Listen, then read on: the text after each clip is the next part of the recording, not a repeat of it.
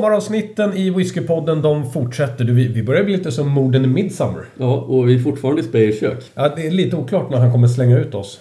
Framförallt du, du har väl haft samma tröja nu alla veckor här. Det börjar bli svettigt. Det börjar bli svettigt.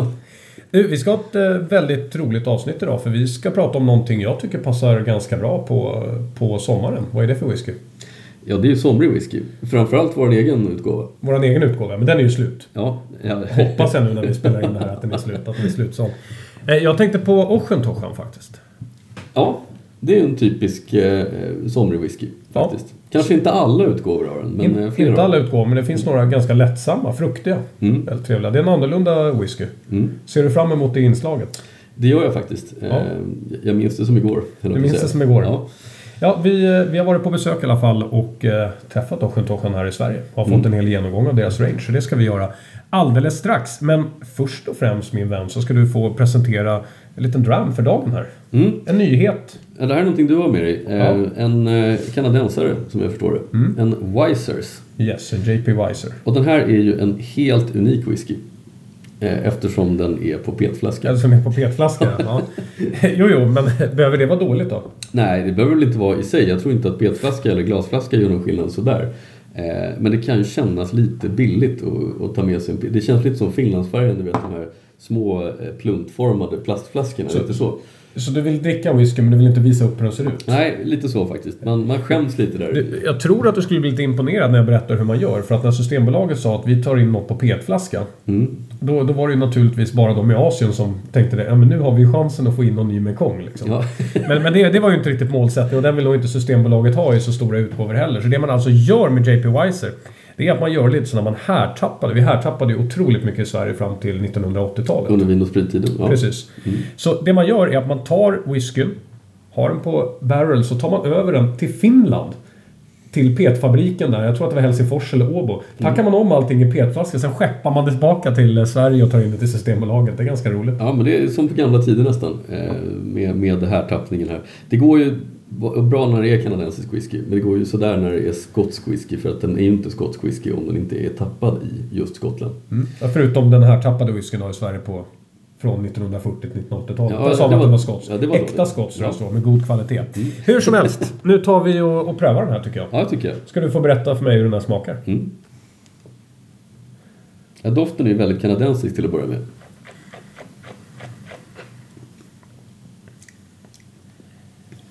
Mm. Smakar ganska kanadensiskt också. Mm. Den här är ju lagrad på tre olika fat. Mm. Eh, det kan man inte tro. Eh, för mig så känns den här väldigt eh, bourbon och kanadensisk whisky typisk. Så att det, det man möjligen kan säga om den är att den är ju väldigt, vä- väldigt snäll men den har ett visst bett ändå. Trots att den är tio år gammal. Men inte det här onda bett, inte det här lacknaftan vi pratar om. Som kan finnas i kanske lite konkurrerande kanadensiska märken. Eh, utan den är, det här är en somrig whisky. Mm. Och du Typisk tycker bra? somrig whisky. Nu vet jag vad den här kostar, för den kostar ju nästan ingenting. Eh, och för det priset så måste jag nog säga ja, den är bra. Men den är, eh, vi ska väl utfärda en varning och säga att det här är kanadensisk whisky. Gillar man inte kanadensisk whisky, då gillar man inte den här.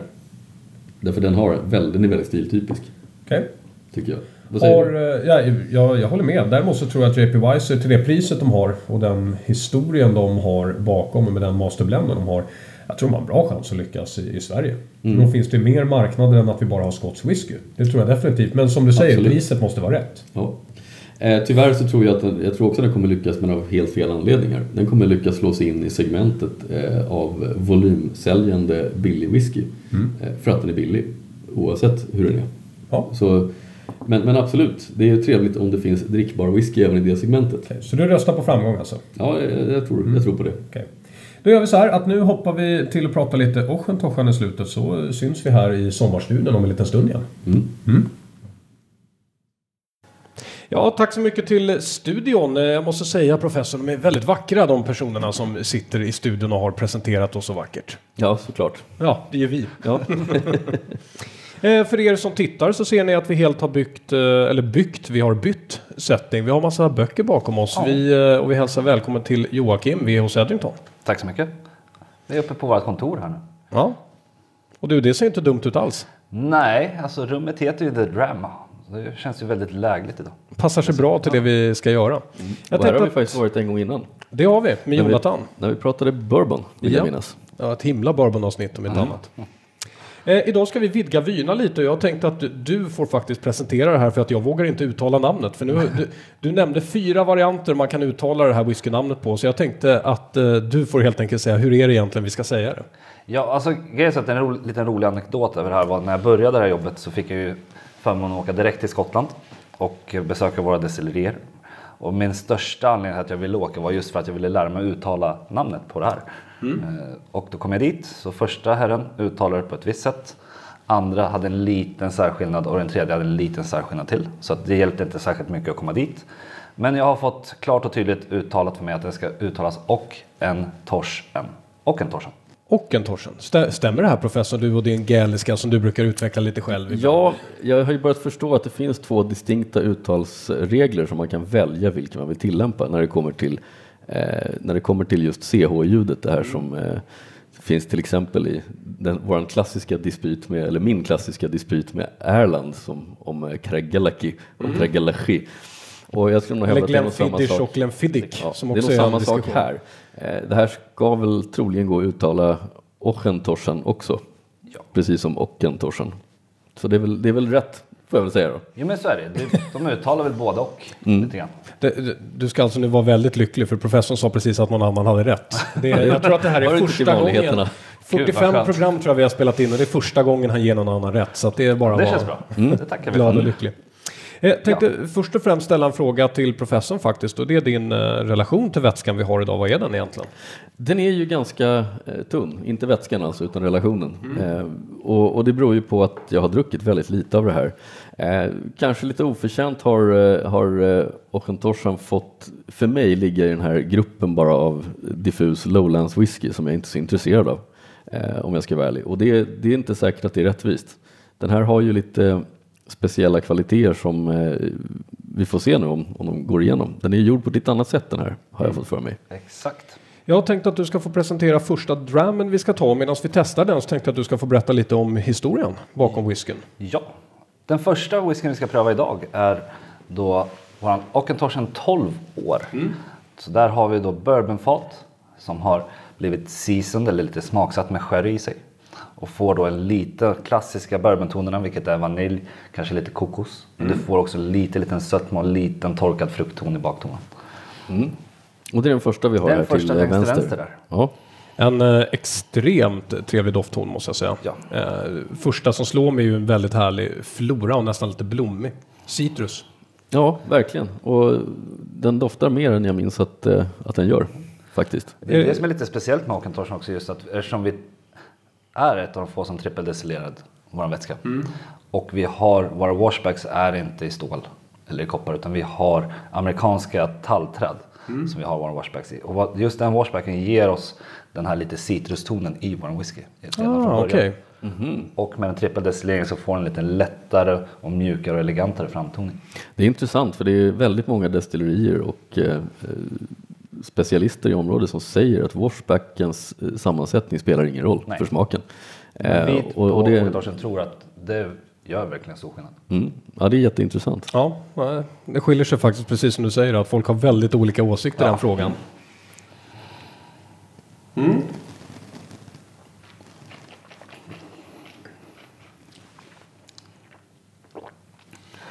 Tydlig fin bourbon, lättsam, pepprig. Det är trevligt. Kanske inte jag hade väntat mig så mycket på någonting som är lagrat på bourbonfat. Det är mer karaktäristiskt för nya ekfat och då särskilt fransk ek. Men eh, ja, den har, den har mycket smak den här. Trots att eh, den är ganska lättsam. Jag tycker också det. att Den har väldigt härlig mjuk fruktig ton. Lite, lite, jag hittar nästan lite clementiner i den här.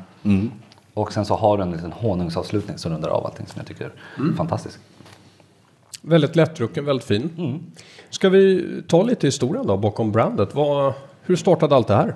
Det grundades 1820, byggdes destilleriet. Men som vi ser på flaskorna så står det lite en annan ålder där, 1823. Ja. Står det. Och det var då vi började producera våran whisky. Det vi brukar kalla med Ockentorsen är också att det är whiskyn av Glasgow.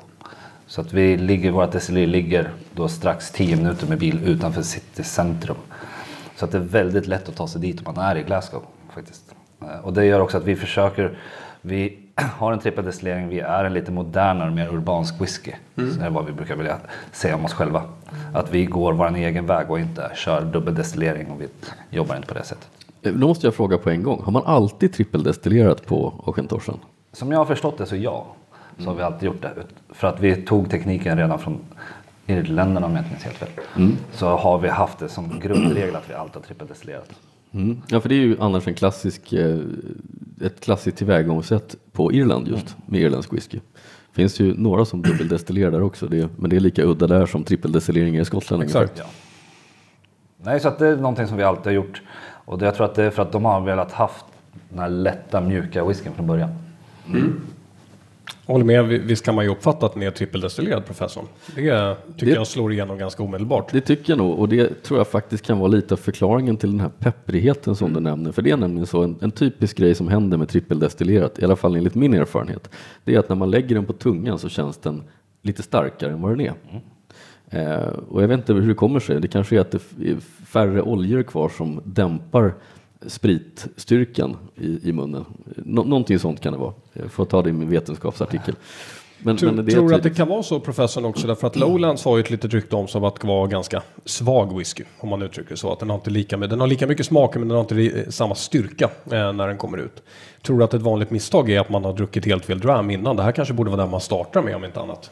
Definitivt. Jag tror ju pre- precis som all annan lite mer finstämd whisky så den här står sig ju inte mot en, eh, en Lafroig 10 eller en kraftig, eh, riktigt sån här sherrybomb eh, historia. För det här är en försiktig whisky och den kan nog bli helt utslagen av, av eh, tyngre whisky om man dricker det först.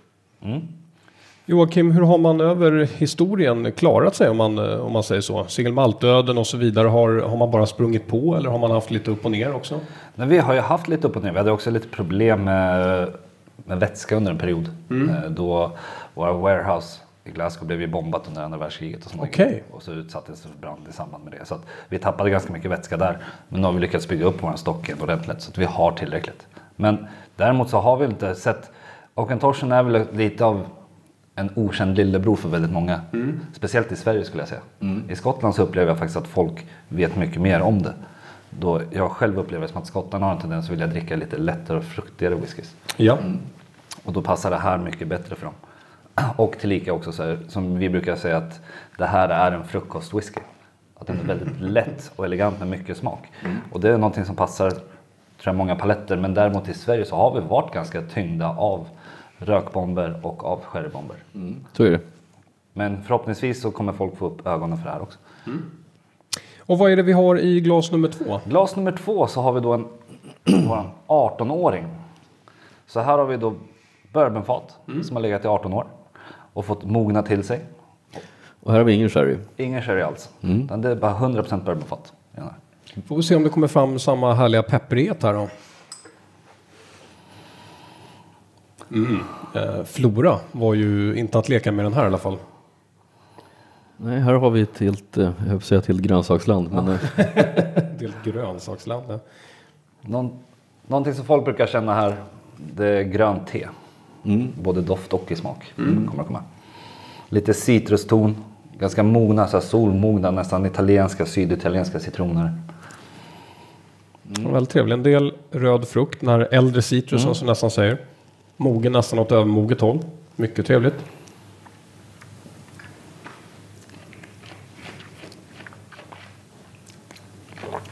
pepprigheten är definitivt kvar. Japp. Och betydligt mycket längre eftersmak. Det förväntar man sig i och för sig nu eftersom den är Absolut. betydligt mycket äldre också. Här har ju också träet jobbat på ett helt annat sätt för här börjar det komma in lite, lite bitterhet och lite tanniner i, i, bas, eh, i, i basnoten som kommer sen. Eh, men också tycker jag mig känna, men det kan ju faktiskt vara helt tokigt, jag tycker mig känna lite, lite, lite sån här uppkäftig svavlighet som kommer som en, bara en dust i mitten. Jag kan hålla med lite om det. Jag tycker att det är det som gör att den känns fortfarande ganska så pigg i det. Och det är det jag gillar någonstans med just den här 18-åringen. Tyvärr så finns det inte på svenska marknaden. Utan det här är en liten specialare just för idag. Men den känns väldigt pigg och fräsch för att vara 18 år ändå. Och det gillar jag väldigt starkt med. Men du, vet man varför man kom fram till att man skulle trippeldestillera? Som jag har fått berättat har jag inte vågat att ifrågasätta det. För jag fick höra på destilleriet. Faktauppgift som vi säger. Det här är. Exakt. Så var det så att eh, de hade varit på Irland och sett hur man gjorde whisky där. Okej, så de, de har varit över på andra sidan och så har de plockat Och så tillbaka. har de plockat tillbaka Ja. när de skulle skapa det här. Det var vad jag fick berättat från dem på destilleriet. Jag har inte kontrollerat den uppgiften. Betyder det alltså egentligen att eh, det de försökte göra var en irländsk whisky på Skottland? Eller i Skottland? Det får man ju i sådana fall säga att det är ju en logisk slutsats, ja. Det om om den här uppgiften stämmer så. Ja, men, det är en sak om man bara tar en del av tekniken, men alltså om man åker över och tittar, jaha, så här gör de, eller ska vi också göra så kanske? För det var ju inte kanske lika vedertaget i Skottland. Absolut inte. Det finns ju några som säger att gamla sättet när man gjorde whisky i Skottland var att alla trippeldestillerade. Men jag har själv ganska svårt att tro på den teorin. Men Det kan man säkert ha gjort, men då får vi nog backa tillbaka längre än de här årtalen som står Ja. på Ja, alla destilleriers det får flaskor. vi nog säga. Eh, skulle man gissa på, för att där är det väl hyfsat känt hur man har gjort hela den tiden som de har varit lagliga i alla fall. Agreed. Ja, vad är ditt betyg på den här professorn? 18-åringen? Ja, ska jag vara ärlig, jag ska faktiskt gå tillbaks till tolvan.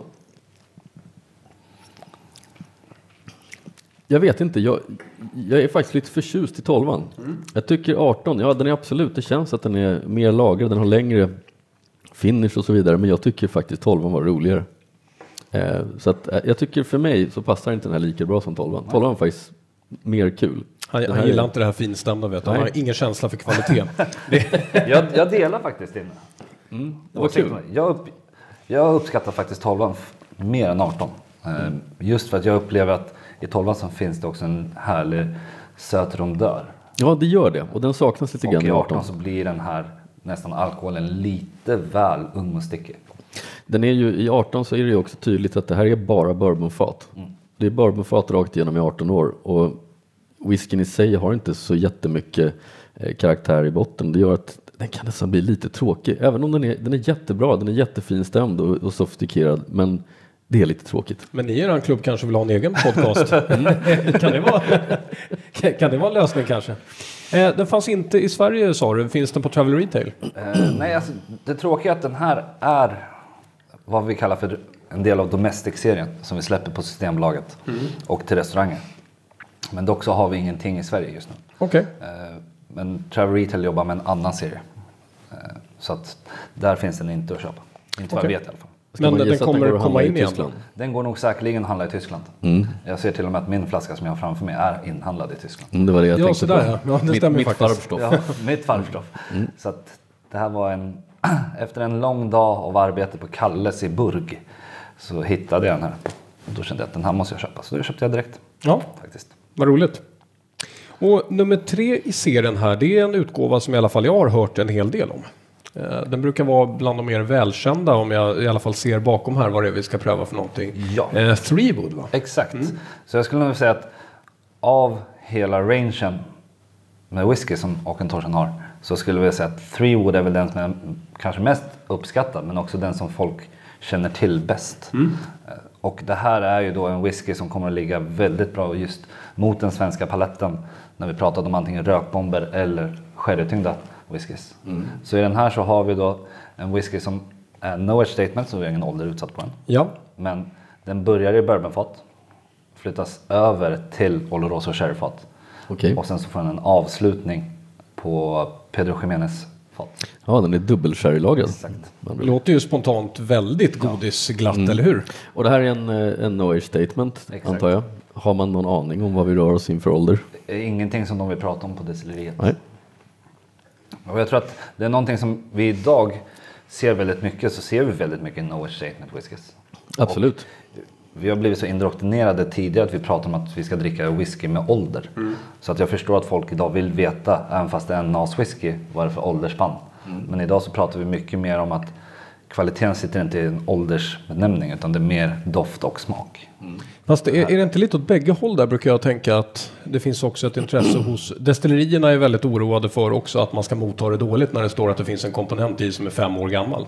Så jag- upplever lite det att det är åt, åt bägge håll. Eh, Jag tänker på Box exempelvis tycker jag gör väldigt bra, så de släpper ju en hel inventarielista. Men Ja, här är de. alla fat som är med och det, då tycker jag snarare att vilken styrka det är för någon när de tar fram någonting som har yngsta komponenterna som är fem år och så är det fantastiskt bra. Ja. Då säger jag, då är jag riktigt impad. Duktigt bra jobbat av Master Blender tycker jag. Då har man använt, eh, använt sin, sina smaker på rätt sätt när man Ja. gör så. Exakt. Nu, Box är ju fantastiskt, så att de har ju lyckats otroligt bra med sin vätska. Det måste jag faktiskt ge dem. Det är otroligt skickligt. På så ung whisky. Men det var inte det vi skulle prata Det om. var, inte box, det var inte box det här idag. Nej. Eh, Men däremot så Auchentosh Three Wood, som jag sa, bourbonfat, Oloroso Sherry avslutas på Pedro Jiménez. Här är mycket spänd på. man känner nästan i tonen att det finns både Oloroso och PX faktiskt Ja, extremt du ser det på färgen också om du jämför med de andra tre. Ja, för den, den konstaterade sticker ju tidigare. ut väldigt mycket. Det gör den ju. Att den är mörkare i färgen. Den är klart mörkare, det är den nu. Och visst är det så, den är ju, att att den är sherrylagrad går ju inte att missta sig på. Eh, nej.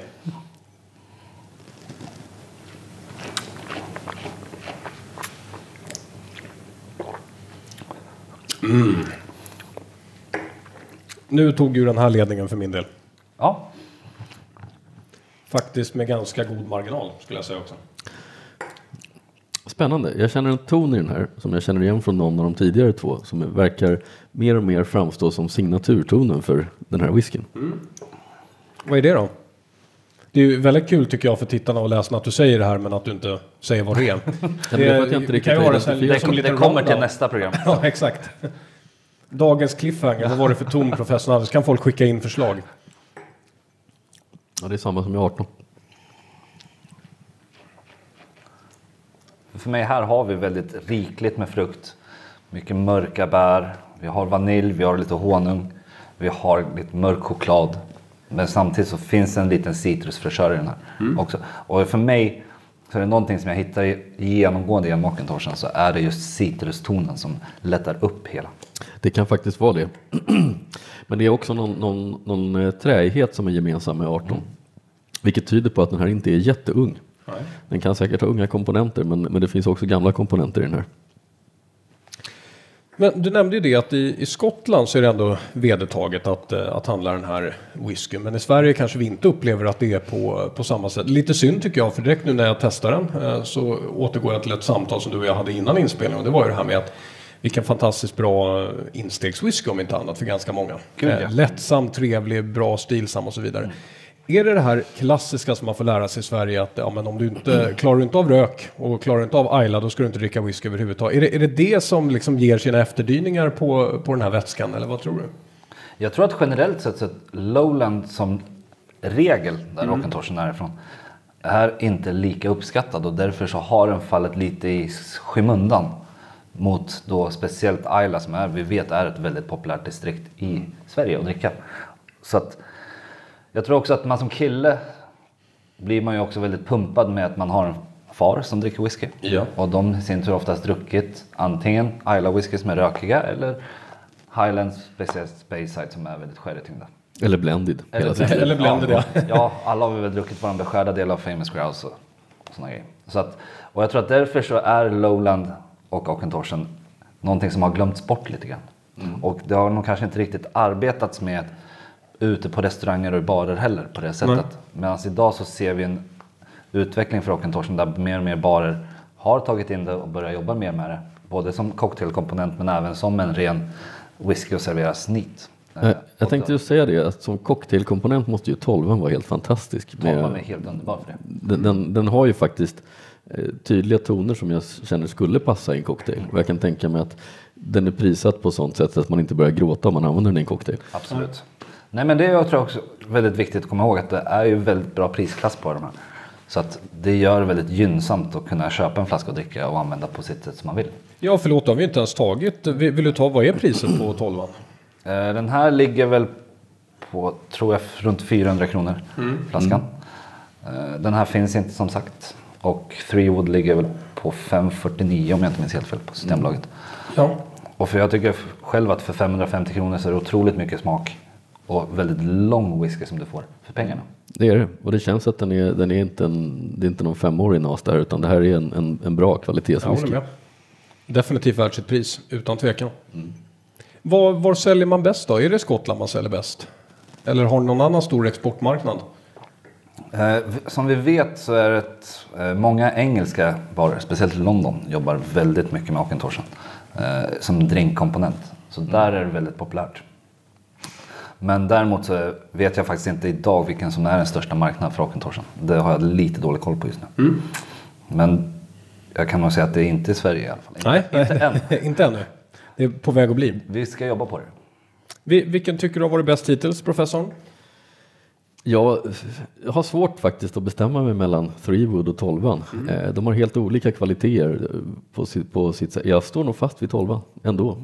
Därför att jag, när det kommer till sherrylagrad eh, whisky så har jag mina favoriter och jag tycker inte den här når riktigt upp till dem. Nu är jag väldigt elak för nu jämför jag kanske med en helt annan prisklass och en helt annan stil. Men jag, jag tycker också att faktiskt sättet som den arbetar med trät var ganska häftigt.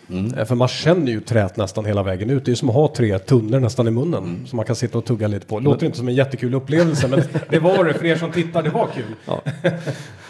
Nej, men jag tror också att så här, med just Threewood, vi vill ju tappa in mot de som gillar sherrytyngda whiskys. Men samtidigt så absolut så är vi inte då kanske som vissa Spacehide whiskys här. Som brukar vara generell favorit bland människor som gillar sherrytyngda whiskys. Så att vi kommer ju aldrig komma dit för att vi är inte en sån whisky heller. Nej. Så vi får inte den här supertyngden, vi får inte den här riktiga kraftfullheten. Men däremot så vill vi visa att vi kan göra någonting som smakar väldigt mycket och har de karaktärerna. Och, men vi vill fortfarande behålla, som du pratade om, att du hittade en röd tråd som var i Ockentorsen. Och jag tror att om vi skulle göra en för sherrytyngd så skulle vi tappa den tråden också. absolut. Någonting jag tycker är väldigt trevligt som jag blir imponerad av och det här är ett enormt beröm. De flesta serier, när du till och med sitter med standardserien, så är det så att direkt när du har gått vidare till nästa ålder så har den helt dödat av den första. Jag tycker att alla tre har behållit sin ton.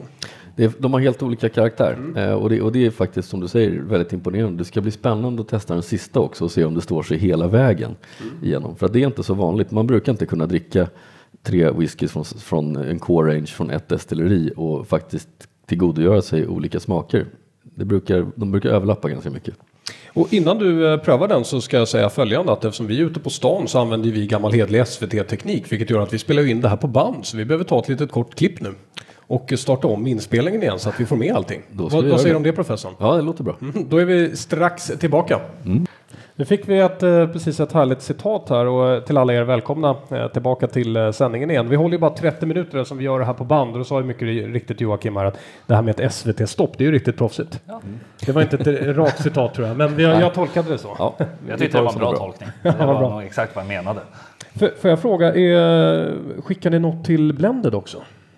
Är det, är det liksom så att vi har druckit någon Blended där det här är en huvudkomponent eller kör man mest singel eller hur gör Mest man? single. Jag, som Ja. jag, jag har inte hört någonting om att vi ska skicka någonting till blendindustrin. Vi, gör ganska, vi producerar ju ganska lite vätska om året. Hur mycket gör Så ni? vi gör ungefär en miljon liter om året. Ja okej, ja, det, det är ju inte speciellt mycket. Vi har nog fullt upp med att tillgodose oss på vår malt, single malt-del. Jag tror den här skulle kanske försvinna lite grann i- i en blender också. För den är så pass lättsam, alla de vi har druckit hittills. Att ja, de skulle kanske inte stå sig så bra mot grainen i små volymer. Nej, den är inte tillräckligt kraftfull för att kunna vara en topdresser Nej. i en blend skulle jag tro. Nej. Eh, Men däremot så är den en fantastisk ren som den är själv. Så, så att, De som sitter och kollar fick ju en liten cliffhanger här och det var ju att vi skulle pröva nummer fyra nu. Om man, om man fortsatte orka kolla medan vi bytte videoband. precis, och du vet gamla analoga allt sånt där. Eh, och du, det här är kul därför det här är en specialare och du, vilken fin förpackning den hade Ja. när du tog upp den också. Jag blev riktigt impad. Den här är ju då som sagt 21 år. Och eh, som eh, många när vi jobbar med lite äldre whisky så vill vi ha en härlig förpackning. Och den här kommer i en väldigt fin låda som man måste öppna upp på två sidor. Eh, så ligger flaskan helt nästan som en änglakör när man ser den. När man öppnar upp hela asken tycker jag. Eh, 21 år, legat på både bourbonfat. Den har både bourbonfat i sig och den har även eh, sherryfat. Så har vi vattat ihop de här två. Då. Och den här finns inte heller i Sverige då eller? Den här finns på bolaget. Den finns på bolaget och Jajamensan. vad ligger den på? Den här ligger på 1249. Så få en 21-årig whisky för den ringa som man tycker är fantastiskt pris. Ja. Ja, det är ett litet fåtal destillerier som fortfarande håller sig i den prisklassen för 21-åringar, men det är inte jättemånga. Jag kan ju säga direkt bara på, på tonen, eh, den doftar bäst av alla hittills tycker jag. Jag håller med. Jättefin ton. Ja, på näsan så är den otroligt väl balanserad och bundit ihop sig själv jättefint. Mm, jag skulle nästan inte faktiskt gissat särskilt mycket sherry, men det kan vara att jag är lite snuvig också. Men, men jag tycker det här, det får en helt egen ton. På men vilken smak hörni. Va? Nästan som en berg och dalbana, liksom kommer upp i gommen jättefint, går ner välbalanserad bak på tungan. Mm. Det här är ju en riktig godisfabrik tycker jag. Nu har träet jobbat också. nu börjar vi komma in på de här arkiverade tonerna. Verkligen. Och den här är ju nu 21 år gammal. Kan det vara så att man... Eh, skulle det vara så om man tog 12 och lagrade den på ett liknande sätt i, i nio år till, den vi har framför oss här. Tror du att den skulle bli så här eller gjorde man, hade man ett annat recept när man la de här på fat?